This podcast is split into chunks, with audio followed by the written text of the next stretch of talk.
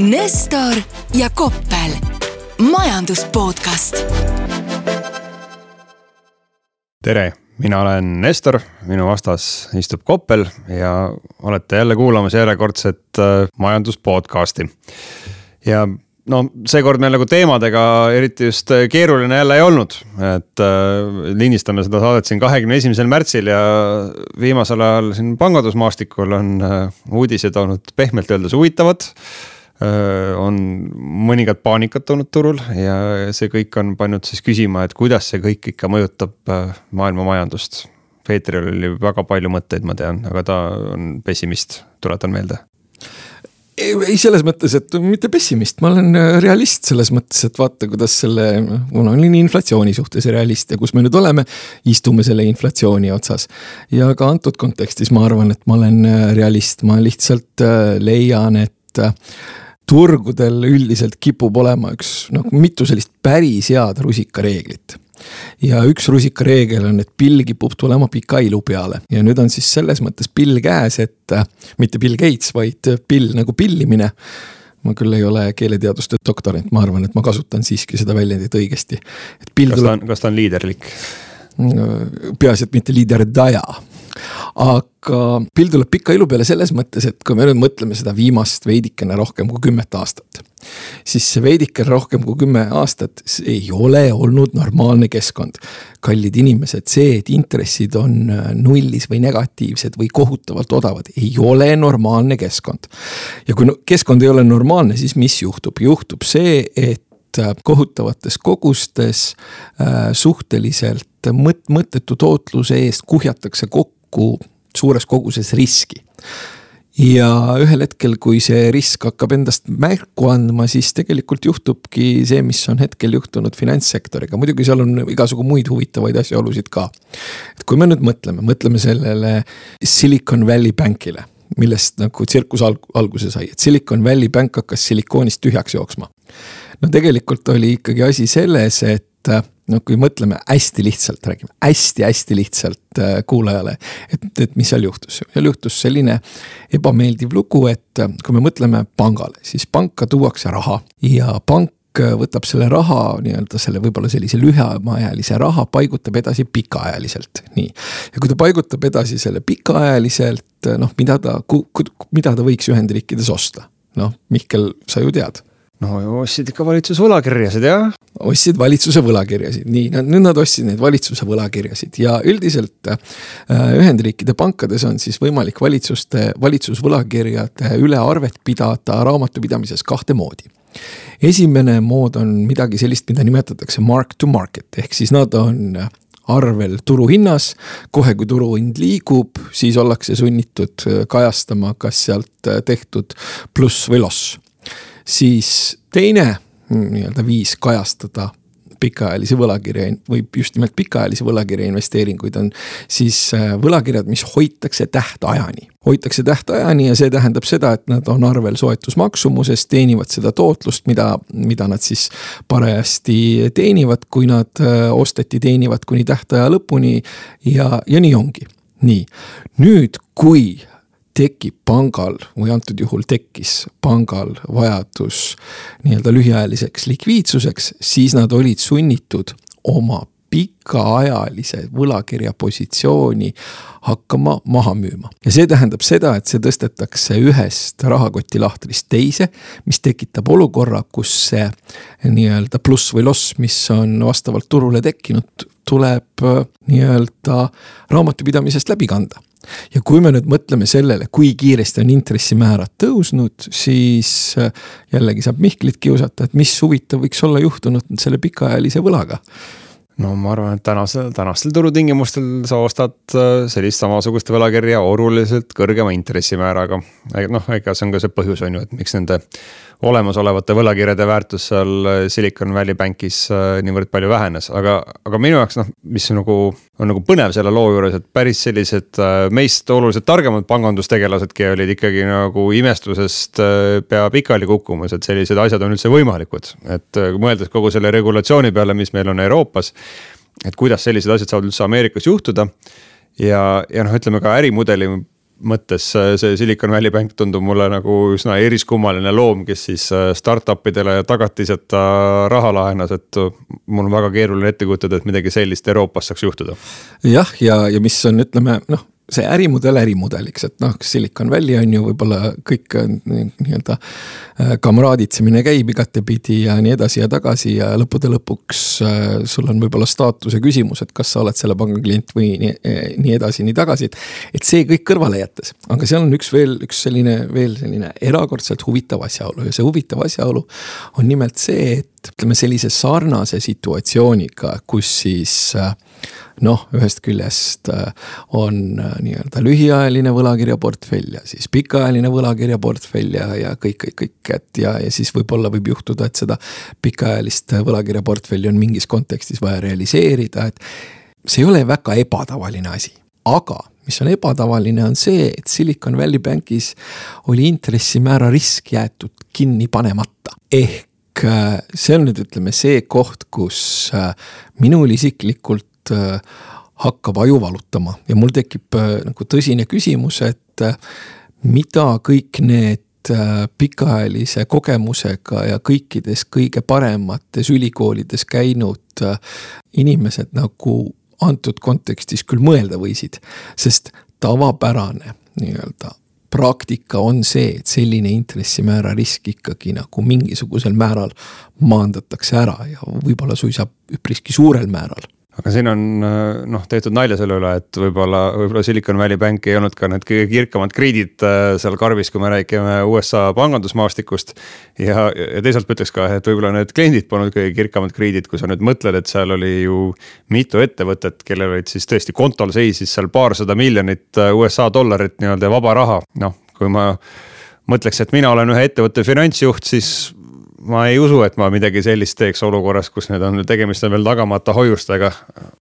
nojah, selles mõttes, aga kui me nüüd mõtleme ka sellele, et äh, mina võib-olla rohkem, sina natukene vähem, et me oleme jõudnud sellisesse kuldsesse keskikka ja me võib-olla isegi mäletame mingisuguseid kriise ja teame mingisugustest aegadest ajaloos midagi. aga kui me nüüd vaatame seda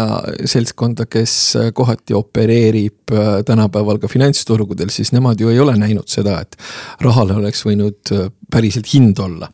ja et intressimäärad oleks võinud nii äh, kiiresti tõusta. ja mis, mida veel nähtud ei ole, kindlasti ei ole nähtud seda, et et äh, mõni pank läheks äh, vee alla sellisel viisil, et keegi päriselt, päriselt haiget saaks.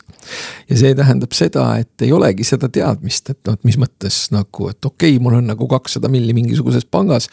et mul võib sealt mingisugune jama tulla, sellist kogemust teatavasti nagu eriti ei äh, kipu nii-öelda vähegi suuremate institutsioonide kontekstis viimase rohkem kui kümne aasta jooksul olema olnud eks me no suures pildis saame aru, miks siis äh, Silicon Valley Bank äh, riigi poolt päästeti ja kõik need hoiused tagati, et see ei leviks kulutulene edasi, selline paanika selle pangandussektori suhtes. aga eks seda otsust on hästi palju kritiseeritud ka, et mõeldes just sellele, et ega see Silicon Valley Bank nüüd äh, ei olnud just kõige kirkamad kriidid ja, ja ka nende kliendid. et nad seda raha seal hoidsid, polnud kõige nutikamad, äh, just noh, selliseid suuri, suuri summasid. siis noh, on ka tekkinud selline küsimus, et noh, et kui, kui mõlemad osapooled on käitunud rumalalt, et kas meie siis nüüd peame tulema kuidagi neile appi ja kaks, kaks rumalat kuidagi sellest olukorrast ära päästma vaat see, siin me jõuamegi sellise fantastilise kontseptsioonini nagu moraalirisk ja hetkel tundub, et kui me finantssüsteemi konteksti vaatame, siis äh, süsteem püsib püsti tänu sellele, et moraaliriski kogu aeg kasvatatakse. sellepärast, et kui me nüüd mõtleme sellele, et millised signaalid olid seoses selle Silicon Valley Banki päästmisega. esimene signaal oli äh, see, et äh, ärge muretsege, hoiused on kõik nii-öelda turvatud või neil on sisuliselt riiklik garantii. Tänasel päeval räägitakse juba sellest, et kõikide pankade, kõikidel hoiustel võiks olla täies mahus riiklik garantii vähemalt järgnevaks kaheks aastaks. ja see siis tekitaks sellise olukorra, kus äh, nii-öelda väikepangad ei peaks äh, muretsema sellepärast, et nad ühel hetkel kõht ülespidi nagu äh, vee peal hulbivad mis iseenesest on järjekordne näide sellest, kuidas nende madalate intressimääradega, raha trükkimisega, pideva väljaaitamisega on jõutud sellisesse fantastilisse punkti, kus selleks, et süsteemi püsti hoida, tuleb päästa ja päästa ja päästa ja päästa, sellepärast et vastasel korral äh, see, mis aset leiaks, on täiesti vastuvõetamatu. ja siit me jõuame juba Euroopasse. aga enne kui võib-olla Euroopasse läheme, et räägiks USA puhul on ju homme ootamas siis äh, Föderaalreservi otsus selle kohta, et kas intressimäärasid tõsta või, või need jätta endisele tasemele. ja siin neid spekulatsioone on olnud ka mitmesuguseid, et, et ühelt poolt, äh, kui me räägime USA-s inflatsioonist siis no see on allapoole tulnud aga, aga kuus protsenti on ikka väga palju. ja seetõttu justkui ootaks, et äh, arvestades ka seda varasemat väga sihukest karmi retoorikat, et äh, Fed jätkab siis oma intressimäära tõstmist. aga noh, teisalt on puhkenud turul kergemat sorti paanika, et millised äh, veel nõrgad kohad võivad avalduda sellest, et intressimäärad nii palju tõusevad. et justkui äkki siis võiks hoogu tõmmata maha aga noh, kui mina sellele kõigele mõtlen, et äh, kui nüüd nagu föderaalreserv ütleks, et oi-oi-oi-oi-oi, vabandust, me oleme nüüd üle, ülemäära ikka tõstnud intressimäära ja mis me nüüd kokku keerasime. et see oleks ühelt poolt kuidagi selline vastutuse võtmine ja, ja teisalt see annaks ka turule siis signaali, et tõesti on asjad väga halvasti, et meil probleem mitte ei olnud siis nagu ühes pangas, kes käitus väga rumalalt, vaid et äh, süsteemselt meil on suur probleem ja, ja seetõttu mina kaldun pigem arvama nagu, et võiks oodata ikka seda intressimäära tõusu, et noh, mis siin ikka, et äh, ega seda ju turg annab rahustada ka teistmoodi, kui, kui siis intressimäära tõstmata jättes. tõepoolest ja siin on äh, päris mitu huvitavat aspekti, sellepärast et kui me mõtleme stressile finantssüsteemis ja mõtleme sellele, et et äh, usaldus mingisuguste finantsinstitutsioonide vastu on äh, vähenenud, siis mida see tegelikult tähendab? see tähendab seda, et nii-öelda tingimused raha saamiseks pangast, mitte siis antud kontekstis ärge mõelge, mõelge sellele, et raha kättesaamiseks, mida siis madratsi alla peita, vaid raha saamiseks nii-öelda krediidiressursina, siis need tingimused on juba karmistunud, sellepärast et kõik, kellel on mingisugune häda või probleem käes, võtavad, tõmbavad ennast selgelt pingesse. see on, see on üks aspekt ja see tähendab seda, et et noh, kuna raha ei ole niivõrd äh, kergelt kättesaadav, krediidiressurss ei ole niivõrd kergelt kättesaadav, siis need tingimused on juba tegelikult karmistunud. Võib öelda, et see panganduskriis on juba tekitanud sellise olukorra, mida tavaliselt raha kallimaks keeramine mingil määral tekitab see on üks aspekt. teine aspekt on see, et äh, jah, inflatsioon võtab, äh, rullib edasi ja rullib mõnuga. ja on minu jaoks suhteliselt ebatõenäoline, et Föderaalreserv äh, nii-öelda annaks tänasel päeval sellist signaali, et oi-oi-oi-oi, me nüüd enam ei tõsta. et ju nad ikkagi nagu kakskümmend viis baaspunkti tõstavad küll aga, mis on huvitav selle pangakriisiga seoses, on see, et et äh, see arusaam sellest, et mismoodi intressimäärad liikuda võiks ja mis edasi võiks saada, et see on suhteliselt dramaatiliselt muutunud nii äh, Ühendriikides kui Euroopas, et Ühendriikides üldiselt. kui me siin rääkisime enne mingisugustest intressimäära tippudest võib-olla kuskil selgelt kõrgemal kui viis, siis me räägime sellest nii-öelda allpool kui viis. ja, ja turg üldiselt kaupleb äh, kaupleb sellisel tasemel, et et, et meil võiks olla võib-olla selline kuskil, kuskil järgmise aasta jaanuaris võiks intress olla juba kuskil võib-olla natukene rohkem kui neli või suisa neli. ehk siis turg eeldab seda, et selle pangandusjama tõttu tõmmatakse intresse juba märkimisväärselt alla ja sellel aastal. ja see ei ole võib-olla nagu ajaloolises kontekstis midagi üllatavat, sellepärast et need, kes vähegi on võib-olla viimase kahekümne või natukene rohkema aasta jooksul turgudel opereerinud, tegelikult teavad väga hästi, et äh, föderaalreserv tõstab intressimäärasid tavaliselt kuni selle hetkeni, kuni juhtub mõni õnnetus. ja noh, nüüd me võime öelda julgelt, et äh, on juhtunud õnnetus, aga siis ikkagi see Euroopa nüüd. Euroopa ja no Euroopas on ka, et samamoodi, et just vaatasin, et mis siis äh, intressiootused Euroopas on ja seal on ka ootus pigem selline, et edasi nagu midagi ei juhtugi, et intressimäärad jäävad praegusele tasemele aga taaskord, et noh, tahaks siinkohal jääda natuke skeptiliseks. Et mõeldes noh, kui võrrelda täna nagu USA ja Euroopa seisu, siis USA-s ma suudan noh, kuidagi mõeldes ennast keskpankuri kingadesse, ma, ma suudaks võib-olla nagu ilma maa alla vajumata kuidagi nagu ära seletada, et tegelikult on juba kõik väga hästi ja inflatsioon on hakanud allapoole minema. Euroopas on asi sellest väga-väga-väga kaugel, ehk siis ähm, noh, ja, ja mõeldes ka nendele probleemidele, mis meil siin on nagu toimunud, et noh, meie siin äh, oma maja finantsinimesed ilmselt küll kukkusid pikali selle Silicon Valley Banki uudise peale, teades, kui rangelt on äh, meil reguleeritud see, et milliseid võlakirjasid meil on üldse võimalik osta või kuidas oma likviidsust juhtida. et noh, selliste pangandusõnnetuste tõenäosus Euroopas hoolimata viimasest kaasusest siin Credit Suisse'iga on noh, ma tahaks öelda oluliselt väiksem, kui ta on Ühendriikides samas probleem inflatsiooniga veel suurem, et noh,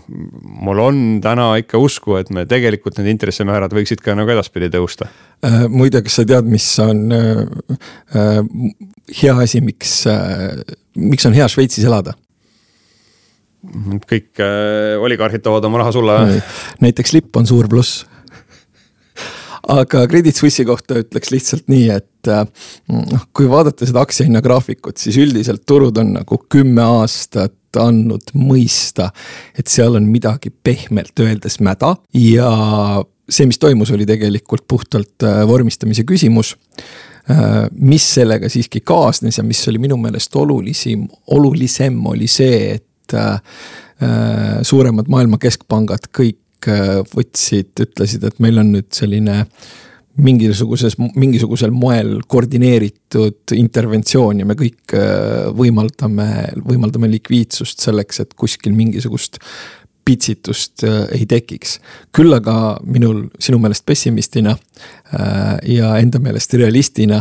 on hetkel selline tunne, et, et selline panganduse nii-öelda problemaatika veel nüüd veel päris läbi ei, äh, päris läbi ei ole. no eks ta siin lainetab mõnda aega veel, aga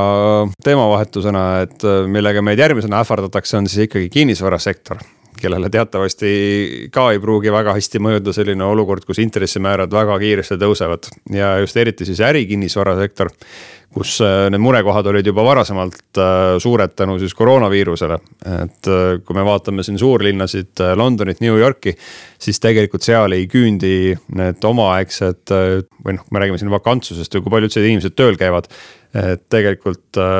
võrreldes sellega, mis ta oli enne koroonakriisi, siis nii-öelda tööl käimine on kukkunud rohkem kui poole võrra ehk siis pinda jääb väga palju üle ja, ja samal ajal siis ka nüüd see pitsitus sellest, et äh, kümme aastat olid intressimäärad nullilähedased ja nüüd järsku on viis jah, aga selles mõttes pinda jääb üle küll, aga ma ei ole ja ka veel päris kindel, et see kodus töötamise nagu tsirkus senisel määral äh, jätkub, et see, ma pakuks, et väheneb. ja kui keegi ei usu, et see väheneb, siis äh, vaadake Amazon Prime'i pealt sellist toredat seriaali nagu The Consultant ja eriti selle esimest osa mis siis põhimõtteliselt annab äh, kodus töötamise mõtteviisile sellise suhteliselt suure hoobi aga ma muuseas äh, uurisin, et palju meie tööandja juures siis kohal käimine on muutunud võrreldes koroona, koroonaeelse ajaga. mis sa pakud? no, no mina ei tea, ma sõidan liftist üles ja ma näen küll mingisuguseid natukene tühjasid töökohti, aga noh, mina ja sina, me oleme ju kogu aeg kohal niikuinii, et meie oleme kohal, aga tegelikult kuuskümmend, seitsekümmend protsenti äh, võrreldes siis äh, omaaegse tasemega. et ka Eestis on see, on see vakantsus nii-öelda suurenenud, et äh, eks ta erineb võib-olla erinevate tööandjate juures, aga. aga kui meil on selline tulemus, et ega siis ka Eesti ilmselt saja protsendi peal ei ole jah, ja kui, kui sa siin rääkisid suurtest linnadest, siis ma natukene torkisin kohalikku äh, ärikinnisvara nii-öelda suurt kuru eile ja siis küsisin, et kuidas ärikinnisvaraturul lood on ja siis tema vastus oli see, et lood on sellised, et mitte midagi ei toimu. ehk siis tehinguid ei toimu mis on antud kontekstis ka tegelikult väga arusaadav ja ma arvan, et me mõlemad olime seda võimelisi, sellist vastust võimelised väga hästi eeldama aga muuseas ei toimu eriti kusagil, et äh, ma proovisin ka natukene andmeid leida siis, äh, mis noh, hästi palju täna võib-olla kui räägitakse sellest ärikinnisvarasektori kriisist on, just mõeldaksegi Ühendriikide peale. aga vaatasin nagu Euroopa andmeid siia juurde ja noh, üks selline võrdlustabel, mis ma leidsin, siis oli kolmanda kvartali kohta eelmisel aastal, äh, mis ei ole väga ammu ja näiteks Rootsis olid siis tehingute maht ärikinnisvaraga langenud aastases võrdluses toona miinus kaheksakümmend protsenti umbes Soomes umbes miinus kuuskümmend protsenti. ja noh, isegi siin, kui mõelda seda Ida-Euroopat, et kus on see seis no, pisut parem olnud, et äh, noh, meiega kõige sarnasem riik, kelle ma sealt leidsin, oli Poola, et ka seal oli siis äh, kolmkümmend protsenti tehingumahtude kukkumine. et väga suured äh, numbrid ja, ja Eesti kohta, et noh, meil nagu päris nii vinget statistikat ilmselt võtta ei ole, et kui me siin, et palju nüüd siin täpselt büroohoonetega tehingut tehti ja, ja kui palju laohoonetega. Aga näiteks kinnistud, äh, mis siis asuvad tootmismaal, neid müüdi siin eelmisel aastal äh, miinus nelikümmend protsenti võrreldes aastaga kaks tuhat kakskümmend üks. Äh, ärimaal olevate kinnistutega tehinguid miinus viiskümmend protsenti, päris karmid numbrid jah, aga siis on ju veel lõppude lõpuks äh, see, mis huvitab äh, tavalist inimest kõige rohkem, et mis siis nagu elukondliku kinnisvaraga toimub, siis äh, ma olen aru saanud, et kevade puhul on jällegi tasapisi nii-öelda tekkinud väikesed laenuhuvilised pankade uks, uste taha. Mõni pakub huvitavat kampaaniahinda, mõni mõtleb, et asi on selles, et päike on välja tulnud, isegi päik praegu paistab ja mõni mõtleb, et asi on selles, et äkki sellised ähm, kõrgemasse keskklassi kuuluvad äh, nina püsti käivad tegelased said mingisuguseid äh, eelmise aasta preemiaid kätte, et neile tekkis mingisugune sissemaksu võimalus. Ja kaua sa ikka oma eluaseme ostmist edasi lükkad? Äh, meil korraks tekkis sihuke elavnemise hetk siin veebruaris, ma ütleks, et kui meil eelmise noh, ütleme Tallinna, Tallinna korteriturg, ma arvan, on selline kõige parem nagu lähend sellele, et mis üldse Eestis kinnisvaraga toimub ja kui Tallinna korteriturul siin eelmise aasta lõpus äh, tehingute maht kukkus kuskil kolmandiku võrra lausa. noh, ka siin jaanuaris ta oli peaaegu miinus kolmkümmend protsenti, et siis veebruaris äh, minu numbrite järgi vähemalt äh, kahanemine toimus, on ju, aastase lõikes, aga see oli kõigest kaksteist protsenti. aga jällegi märts tundub jälle tulevat selline üsna, üsna vaikne kuu, et kui siin eelmisel aastal müüdi märtsis üle tuhande korteri, siis praegu kahekümne esimeseks märtsiks me oleme saanud ainult natuke üle viiesaja tehingu, ehk siis äh, tuhande inimesed päris kindlasti selle ülejäänud kümne päevaga ei tule. Jah, ja mul on jätkuvalt äh, selline väikene probleem, et kui ma mõtlen mingisugustele ilusa asukohaga tordikarpidele, kus ruutmeetri eest küsitakse mm, kuus tuhat eurot ja siis ma mõtlen selliste to toredate inimeste sissetulekutele, kes selliseid asju nagu ostma peaks, et seal on ikkagi see spreed kui te lubate seda niimoodi nimetada, on minu meelest natukene liiga lai ja, ja noh, see spread on ka selles mõttes, et ikkagi, et noh, kui me väga pikalt oli see reeglipärasem, et kinnisvara hinnad, et eluaseme hinnad kasvasid samas tempos palgakasvuga, et siis eelmise aasta alguses ta läks ikkagi käest ära. et seal kohati aastases lõikes tõusis, on ju Tallinna korterite hind kolmkümmend protsenti mis äh, kindlasti ei ole see number, mis me nägime siis oma palgana laekumas äh, samal perioodil äh, kasvuna ehk siis mingisugune mullikene sinna tekkis, aga noh, kui seda mullikest hinnata, et kui suur ta võis olla, et noh, ta on sihuke kümme, kümme, viisteist protsenti, mis ma usun, et võiks olla ka mingisugune maksimaalne korrektuur, mida me siis äh, kinnisvara hindade näol ootame. et no lihtsalt seetõttu, et tööturul ju endiselt äh, nagu sa oled siin armsasti öelnud, et tööd teevad ka need, kes tööd teha ei taha ja, ja isegi neil pannakse kümme protsenti siin palka juurde. et noh, sellistes oludes oodata mingisugust erilist katastroofi ja hinnalangust, et noh, vabandust, selleks ei ole põhjust noh, ütleme katastroofiks võib-olla põhjust ei ole, aga ja kindlasti tuleks jälgida ka seda, et. et, et millised need nii-öelda finantseerimistingimused on, et jällegi pange Google'isse sisse financial conditions ja eurozone, et äkki leiate nagu graafiku ülesse ja siis põhimõtteliselt võiks öelda, et sellega võiks ikkagi päris hästi ka kohalik kinnisvaraturg korreleeruda.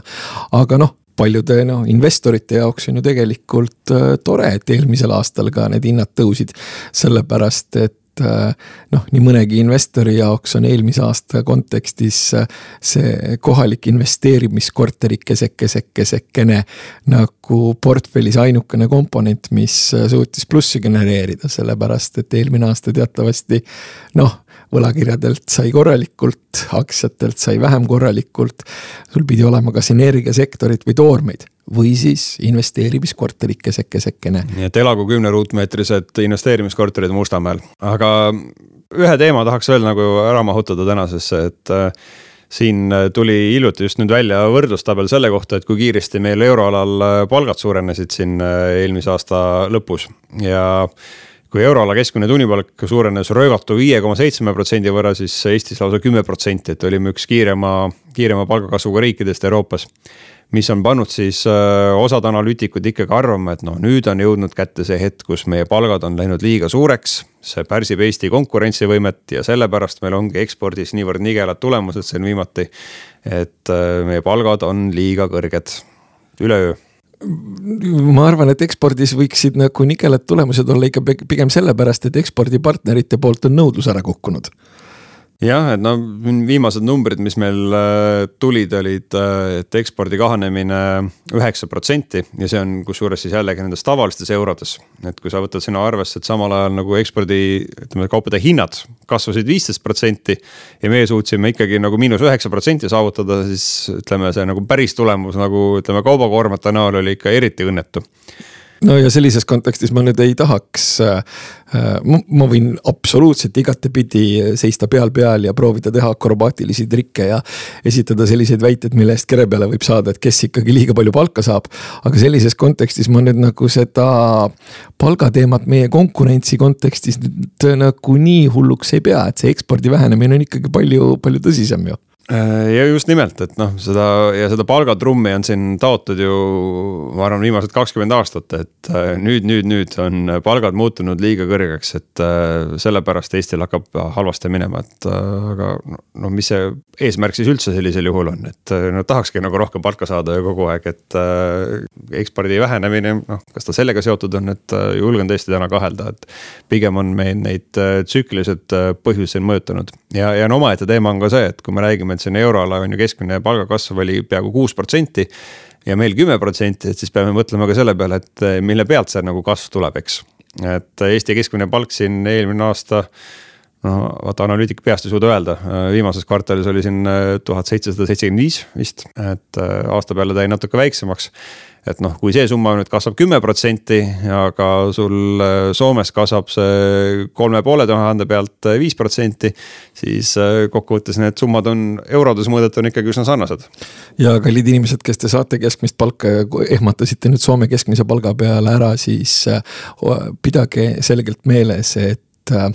Soomes keskmise palga eest saab võib-olla umbes sarnase elustiili või natukene parema kui meil no õnneks me eelmine aasta siin tegime tugeva panuse, et me jookseme nagu ka Soome selle hinnatasemelt järele. et äh, see aasta muuseas meil jah, üks sihuke põnev graafik, mida mina olen oma esitlustel alati siin viimasel ajal kasutanud, on see. SKP ühe elaniku kohta korrigeeritud ostujõuga, ehk siis võtabki arvesse see, et kui palju me selle oma teenitud rikkuse eest asju päriselt endale lubada saame Äh, pole eelmise aasta kohta andmeid veel õnneks välja tulnud, et ma kardan, et seal midagi väga ilusat äh, meid ei oota. et kui siin varasemalt läksime näiteks Hispaaniast mööda selle, selle näitaja järgi, siis äh, arvestades, et Eesti hinnakasv oli siin eelmisel aastal Euroopa kõrgeim, peaaegu kaheksateist protsenti siis ma kardan, et see pilt seal ei ole jah, tõesti midagi sellist, mida tahaks näha kusjuures ilmselt ei tahaks, sellepärast et näiteks minu äh, lugupeetav naabrinaine käis koolivaheajal nädala, nädal aega Soomes ja siis ta ütles oi-oi, kus seal olid poes hinnad. ja siis ta tuli nädala aja pärast tagasi ja siis ta vaatas, et oi-oi-oi-oi, kus on meil poes hinnad. ehk siis äh, näiteks toidukaupade osas see selline hiiliv ülespoole liikumine oli täiesti tavalisele normaalsele inimesele täheldatav isegi nagu sisuliselt nii-öelda nädala möödudes, nii et see tõesti ei ole väga kena. ega jäägi muud üle, kui hakkame siis Poolas poes käima, kus äh, toiduainete käibemaks on null protsenti. no kas see aitab neid nii palju või? noh, natuke võiks ju allapoole tulla siis võrreldes meie käibemaksuga. mina arvasin, et nad on põllumajandusriik ja neil on hästi palju inimesi. no söövad ka aga oleme tegelikult oma tänased teemad äh, sellega ära ammendanud ja, ja täname ja kohtume uuesti kahe nädala pärast. kõike head Nestor ja Koppel, majandus podcast